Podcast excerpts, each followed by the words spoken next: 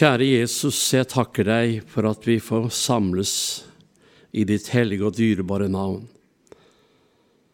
Takk at vi her har fått lov til å minnes hva du gjorde for oss. Takk at det er fullbrakt. Det trengs ikke til noe mer offer, for du er ofret én gang for alle for å bortta menneskets synd. Jeg priser deg, Jesus. Takker deg, Far i himmelen, for at du ga deg selv i døden for oss, for at vi skulle gå fri, for at vi skulle få del i din rettferdiggjørelse. Jeg priser deg, Far, at vi får samles i denne formiddagsstund om ditt ord. La det bli til legedom. La det bli til trøst. La det bli til hjelp for den enkelte Jesus. Takk at ditt ord, det er levende, og la det bli liv i våre liv. I denne formiddagsstund, Herre, vi priser deg. Amen. Det er noe, det er noe spesielt med eh, formiddagsmøter, syns jeg. Jeg vet ikke hva hvordan du opplever det, men det er liksom Vi kommer Jeg føler av og til at vi kommer enda nærmere Jesus. Det blir en, en stund ved hans føtter hvor han får tale inn i våre liv. Og all støyen fra dagen, den, den, den, eh, den, møter oss ikke i formiddagen, for da har ikke dagen nesten begynt. Så det er liksom du, du, du har hatt natten og hvilen. Du møter en ny dag. Og det første du møter, det er Hans ord. Og det er ikke noe som er bedre enn å begynne dagen med Guds ord. Vi skal gå til Markes evangelium og lese i sammen i formiddag.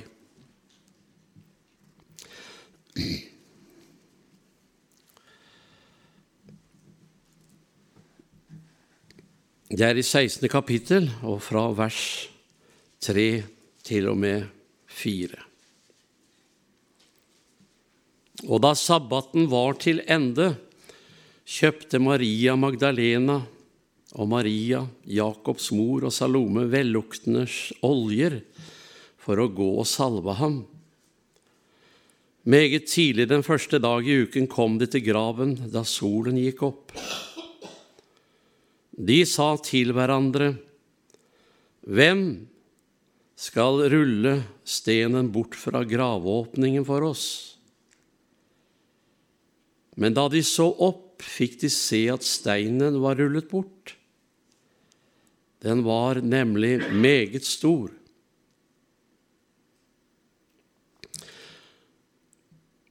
I en gammel oversettelse så står det 'Hvem skal velte bort stenen for oss?' Det var fire kvinner som sto Jesus nær. Og som gikk til graven for å salve ham denne morgenen, de tok tidlig ut, for solen var enda ikke gått opp. Så det var kanskje enda mørkt da de tok og tok med seg oljer og gikk for å salve Jesu legeme. Og selve handlingen den var grunnet i den kjærligheten som de hadde til Jesus. Han hadde betydd så uendelig mye for dem. Og En av disse kvinnene var Maria Magdalena, som Jesus hadde befridd for syv onde ånder. Og her var de på vei til graven. Og mens de er på vei til graven, så samtaler de med hverandre. Og spørsmålet som opptok dem, det var hvem skal velte bort stenen fra døren til graven for oss? Hvordan skal det gå til? Vi er ikke sterke nok. Vi makter ikke det. Og det er vel slik med tingen som, som denne stenen som jeg velger å kalle for bekymringens sten. Og når vi samtaler og snakker om ting som er vanskelig, så er det ikke uvanlig at disse problemene blir forstørra.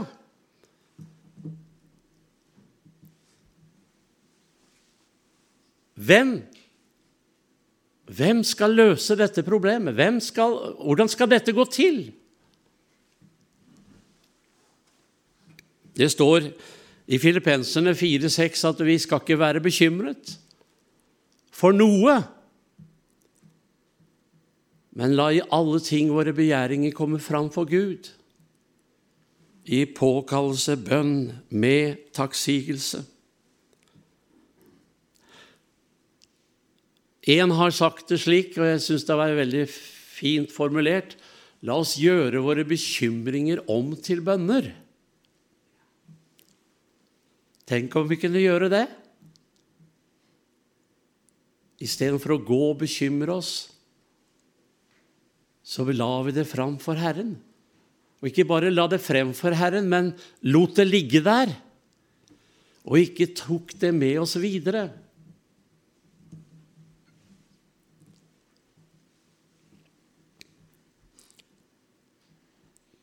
Disse kvinnene de gikk ikke der på veien til graven og ba, men de bekymret seg.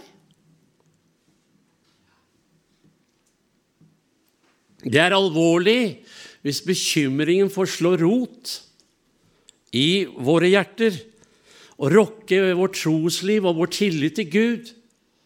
At Han, Han kan løse det. Han kan hjelpe oss. Men der var ikke kvinnene. Og vi er vel ikke så ulik dem.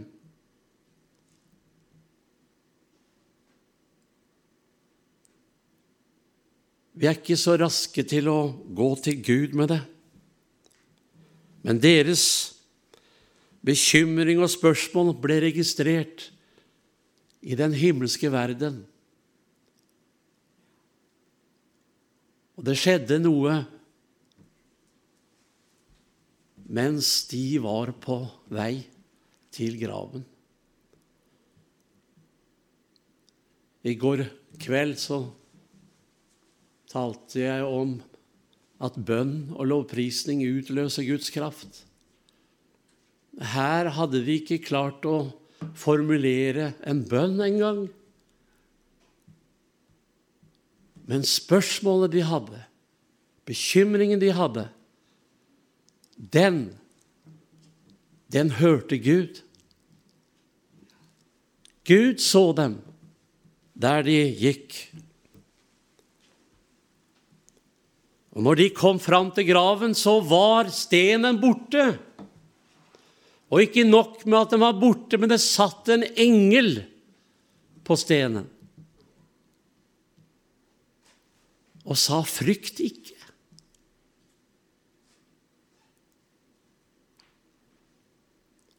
En engel satt på deres bekymring.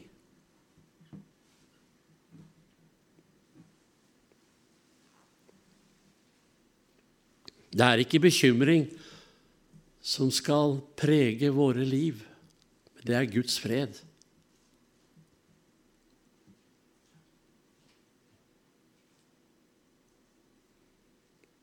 Hvor kommer ufreden fra? Hvor kommer alt dette som vil ta fra oss tryggheten? Det kommer ikke fra Gud. Nei, han kommer med fred. Han sier, 'Min fred gir jeg dere', ikke den fred som verden gir, men min fred. Bekymringens sten ble veltet bort ifra disse kvinners sine liv. Og jeg tenker Du og jeg, vi er ikke, vi er ikke fremmede for dette med å bekymre oss. Men Herren, han er der for å ta det bort ifra ditt og mitt liv. Og om vi kunne gå til Han og la ham få lov til å ta hånd om det som er vanskelig. Det er mange stener som vi kan lese om i Bibelen. Og vi møter også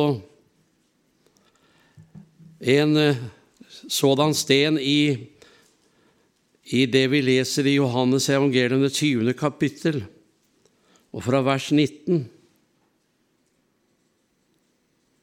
Der står det da det var blitt kveld samme dag, den første dag i uken, var dørene lukket der disiplene var.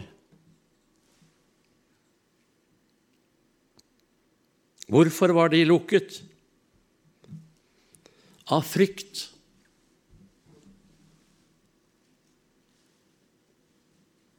Menneskefrykt.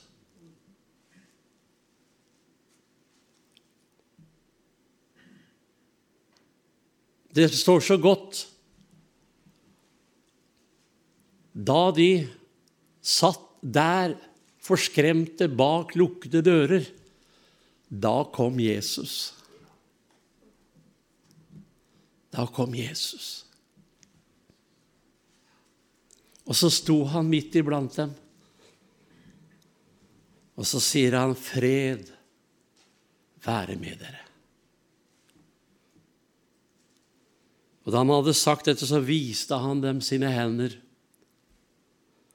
Og så, sa, og så da, da, står det at det, da ble disiplene glade. Hva var det som skjedde? Da Jesus kom, og da de fikk se ham, så forsvant menneskefrykten. Menneskefrykten, den binder mange mennesker. Det er mange som ikke våger å stå opp og be en bønn. Tenk hva de andre tenker hvis jeg ber. Tenk om jeg ber feil? Tenk om jeg ikke ber riktig? Tenk om jeg dummer meg ut?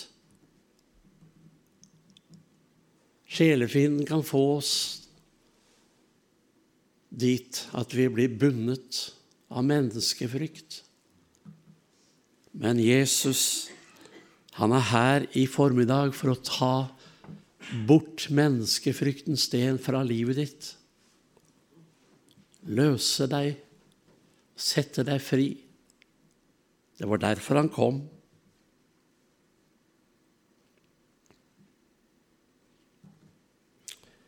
I det samme kapitlet så leser vi også om Thomas.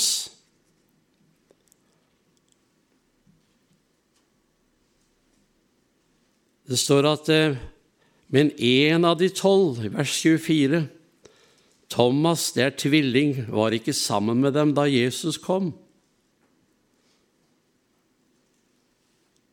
De andre disiplene sa da til ham, Vi har sett Herren.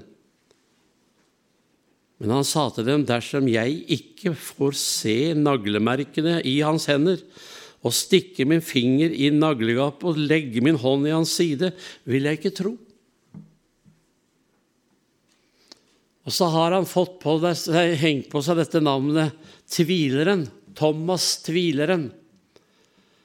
Men Jeg vet ikke om jeg har fått den oppgaven, men jeg føler av og til at jeg må ta Thomas i forsvar og så si at Thomas, han er ikke den eneste som tviler. Kanskje du også har vært i det øyeblikket i livet ditt da tvilen har kommet snikende. Døperen Johannes Han var blitt satt i fengsel. Han som hadde gått der og pekt på Jesus og, sa, 'Se bær Guds lam som bærer verdens synd'. Og ikke bare én gang, men han gjentok det. Men så kommer han i fengsel. Og så kommer tvilen. Er du den som skal komme? Eller skal vi vente en annen?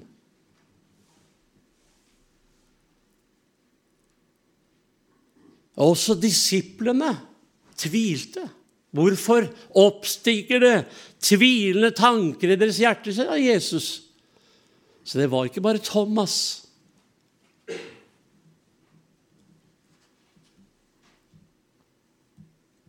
Og så tenker jeg overført overført hvordan Jesus er.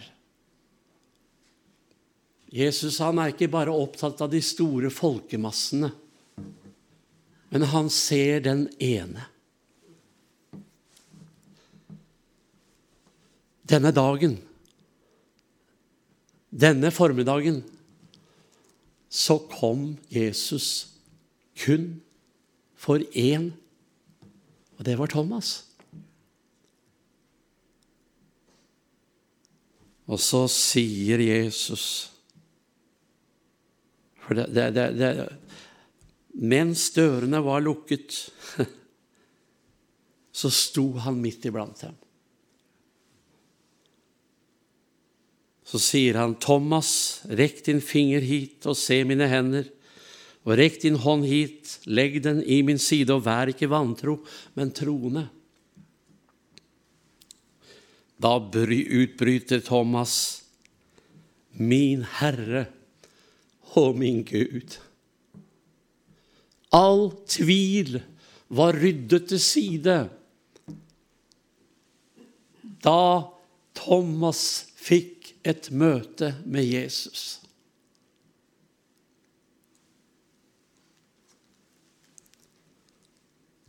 Trenger du et slikt møte i formiddag? Har du anfektelser? Har du tvilstanker?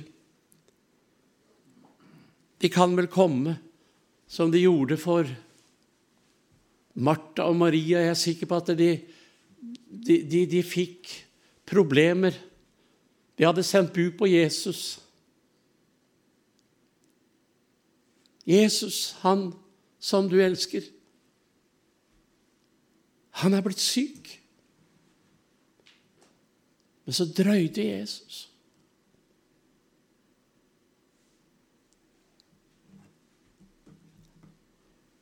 Åh, hvor blir det av deg, Jesus? Har du, har, du, har du, fått budskapet vårt? Har den nådd deg? Har du hørt at Lasarus er syk? Han drøyte.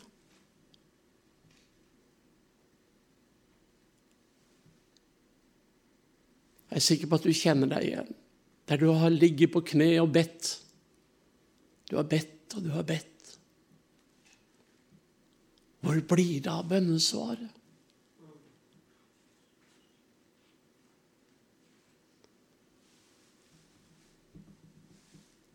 Hvor blir det av bønnesvaret? Så kommer Jesus. Så kommer løsningen.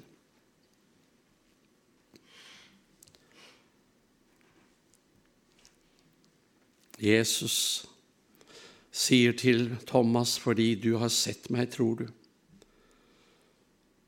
Salig er de som ikke ser og likevel tror. Jesus kommer aldri for sent. Selv om Martha og Maria opplevde det slik. Hadde du vært her, så hadde ikke dette skjedd.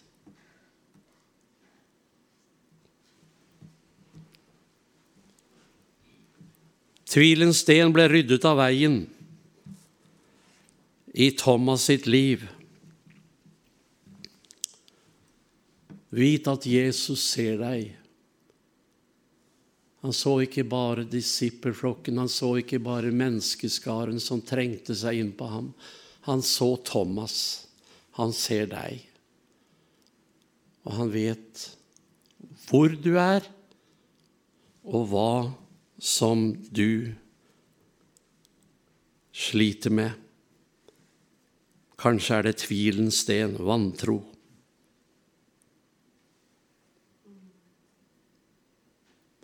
I Lukas 24, 17 og 32, 33 så leser vi om to stykker som var på vei bort fra Jerusalem. De var nedtrykte og motløse, fulle av sorg. Jeg vet ikke om du har opplevd å være motløs. Jeg vet ikke om du har opplevd å være nedtrykt og nedstemt og oppgitt. Jeg har vært der, men kanskje du har vært av den som bare har levd på medvindsbølgen og ikke har slitt med de tingene. Men eh, de gikk der. Vi hadde håpet, vi hadde trodd. Nå er det slutt. Vår Jesus er borte. Vi har korsfestet ham. Og vi som trodde at han skulle forløse Israel. Da kommer Jesus. Han later som han, han, gjør det slik at de ikke kjenner ham. Han bare, og han later som han ikke vet det de snakker om, egentlig. Han, han spør dem hva er det dere samtaler om. Og De, de, de stopper og, og blir forskrekka. Liksom, er du den eneste som ikke vet hva som har skjedd? De var så nedstemt og så motløse at de hadde ikke engang tatt imot gledesbudskapet. Det gikk ikke inn, det trengte ikke gjennom sorgen og motløsheten. Der har jeg vært. I det mørket har jeg vært og ikke har sett noe håp og ikke har sett noen mulighet hvor det er mørkt. Det er, det er slutt. Det er ikke noe håp. Der har jeg vært i mitt liv. Der var disse to. Riktignok er det noen som har fortalt at han har stått opp, men det gikk ikke inn. Det gikk ut det andre øret. Ja. Nei. Da er det Jesus starter en sjelesorgstime med dem. Og så legger han ut ifra Mosebøkene og profetene. Legger ut for dem. Måtte ikke Messias lide? Så utlegger han Skriftene. Og mens han gikk der og samtalte med dem, så skjedde det noe i deres liv.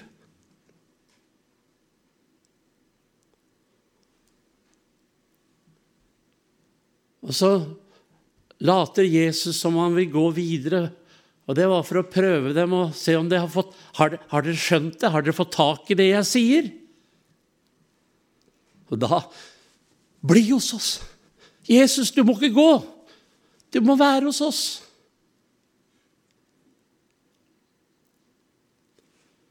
Sorgen og motløsheten den var ryddet av veien fordi Jesus var der. Fordi Jesus så dem, forsto dem, bebreidet dem ikke, men han, han, han ga dem sitt ord, og de forsto Og det skjedde en forvandling i deres hjerter, og det begynte å brenne. Jesus brøt brødet med dem. Og da ble deres øyne opplatt, og de Det er jo Jesus! Det er jo Jesus!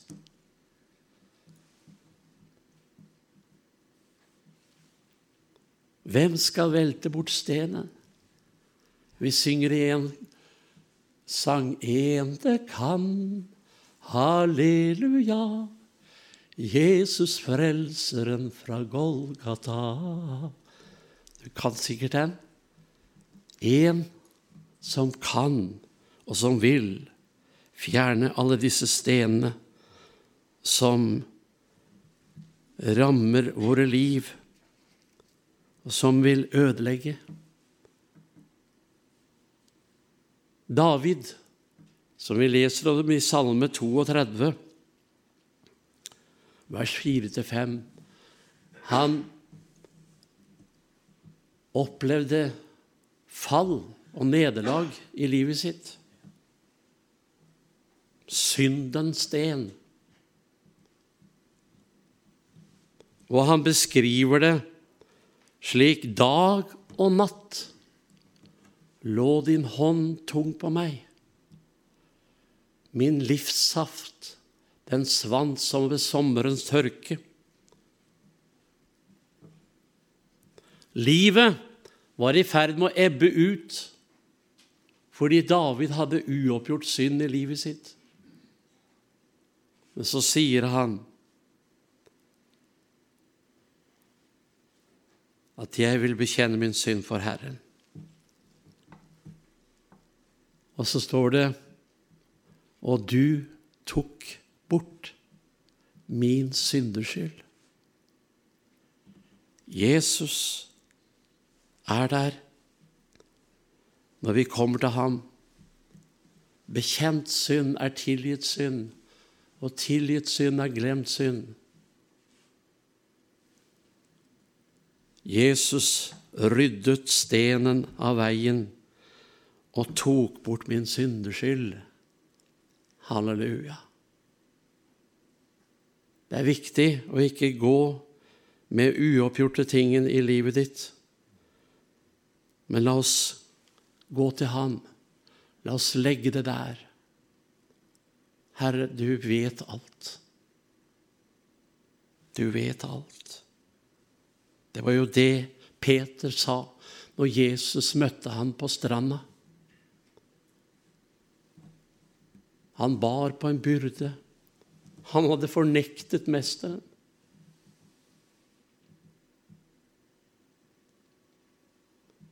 Det var så vanskelig for Peter at han Nei, jeg går og fisker. Han gikk tilbake til båten. Han fikk også med seg flere.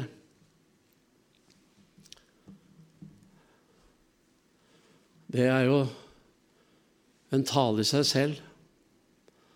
Er vi Hvordan er det vi lever livet vårt? Er vi med og drar mennesker til Kristus, eller er vi med og drar dem bort derfra? Så de fulgte med Peter.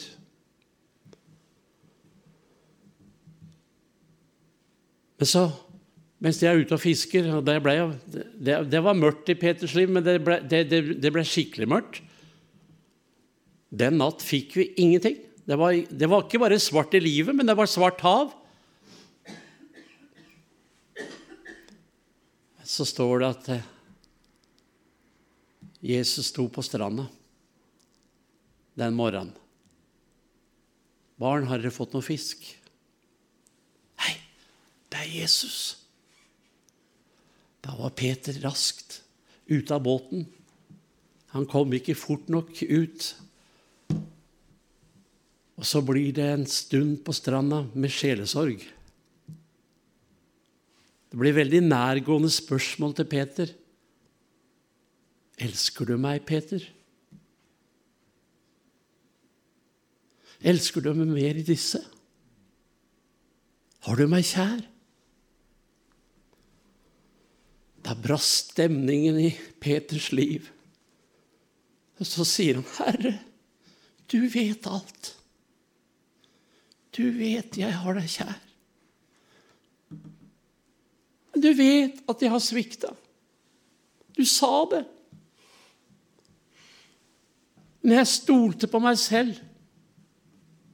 Jeg var sikker på at jeg aldri skulle gjøre det. Jeg banna på det. Men så svikta jeg. Herre, du vet alt. Det ble gjenopprettelse, det ble legedom.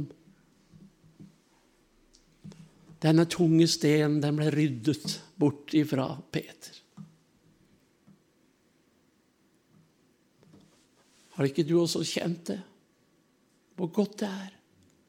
Få gråte ut, tale. Legge ned. Herre Jesus, du vet, der svikta jeg. Der gikk jeg for langt. Der sa jeg noe jeg ikke skulle ha sagt.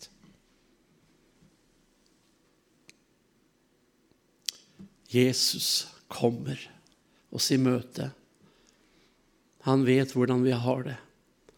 Og han er opptatt av å fjerne alt det som kan tynge oss, det som kan hindre oss i løpet på vei mot himmelen. Han vil berge deg, han vil, han vil hjelpe deg, han vil løfte deg. Og noen ganger så er det som denne, denne sterke Om denne fotsporene i sanden. Jeg skal ikke ta den, men du, du vet om den, den uh, beretningen der. Det er de gangene da Jesus bærer oss. Og vi ikke klarer. Vi makter ikke, men han makter. Han har all makt. La meg også ta med fordømmelse. Har du noen ganger kjent deg fordømt? Har du kjent anklagerens listige angrep? Han som er så god til å huske det som Jesus har glemt.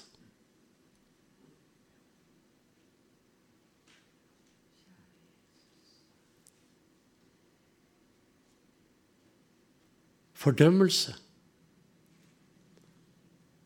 Fariseerne og de skriftlige hadde grepet en kvinne i hor.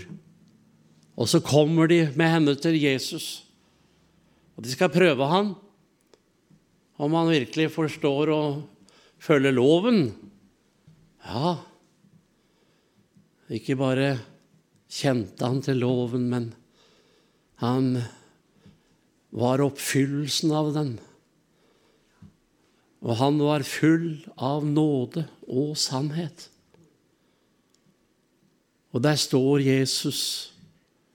Og så står det disse Jeg syns jeg kan se fariseerne, både unge og eldre, som sto der med, med steiner av ulik størrelse og hvite knoker som holdt rundt stenene.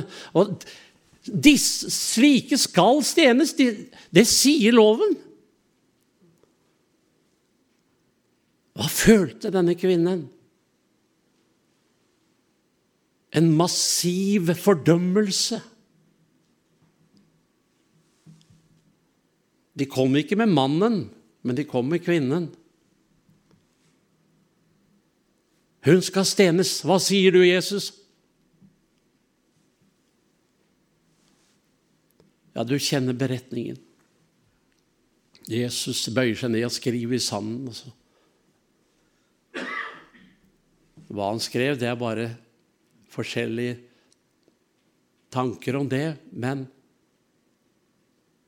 Jesus sier den av dere som er uten synd, han kan kaste den første sten.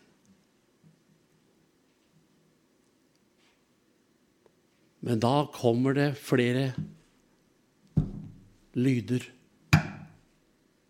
Idet stenene faller til jorden, Og de går bort. Både de unge og de eldre, og forlater området der hvor Jesus sto. Kvinnen står tilbake alene med Jesus. Så sier Jesus, 'Har ingen fordømt deg?' Nei, Herre, ingen. Så kommer nåden. Heller ikke jeg fordømmer deg. Og så kommer sannheten. Gå bort og synd ikke mer. Fordømmelsens sten ble ryddet av veien, og kvinnen kunne gå oppreist bort med et lettet hjerte, fri fra fordømmelse. Hvem skal fri meg, sa Paulus, fra dette dødens legeme? Spørsmålet ble ikke stående ubesvart. Gud være takk ved Jesus Kristus, vår Herre. Så er det da ingen fordømmelse for dem som er i Kristus Jesus.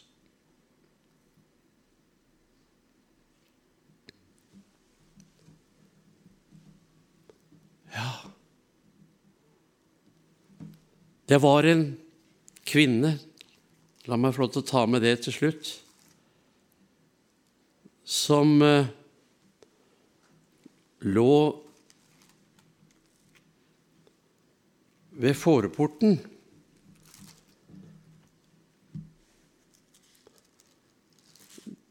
Ikke en kvinne, men det, det lå Ja, det, skal vi se. Da må jeg bare finne det.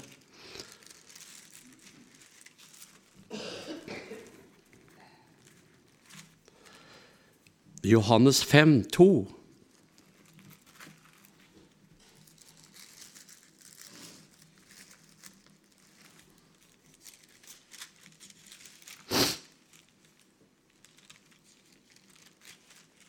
Ved foreporten i Jerusalem er det en dam som på hebraisk heter Betesta. Den har fem eh, søyleganger, og i disse lå det en mengde syke, blinde, lamme, vannføre. For en Herrens engel steg fra tid til annen ned i dammen og rørte opp vannet. Den som da først steg ned av vannet, var blitt, eh, der vannet var blitt opprørt, fikk, ble frisk, hva sykdom han så led av. Det var en mann der som hadde vært syk i 38 år.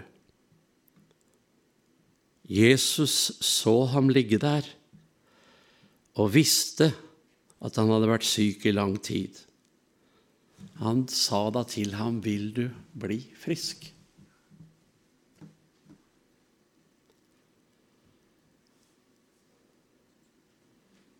Denne mannen, han var oppslukt i hindringer. Han sa ikke 'ja, det vil jeg'. Men han sier hver gang jeg prøver å komme meg ned i denne dammen, så er det noen som kommer foran meg.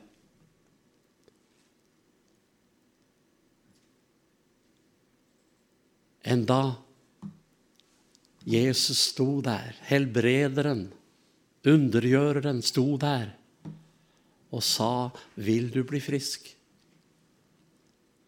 Så så ikke han det. Men han så hindringene. Jeg er alltid for seint ute. Det er alltid noen som kommer foran meg.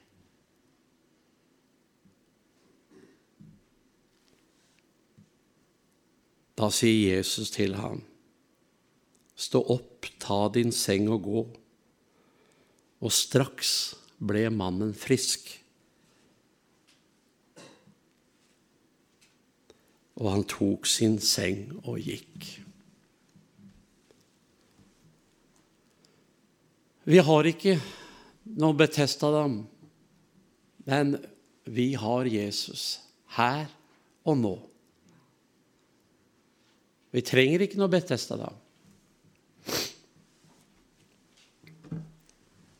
Midt iblant oss er Jesus for å fjerne alle stener fra ditt og mitt liv.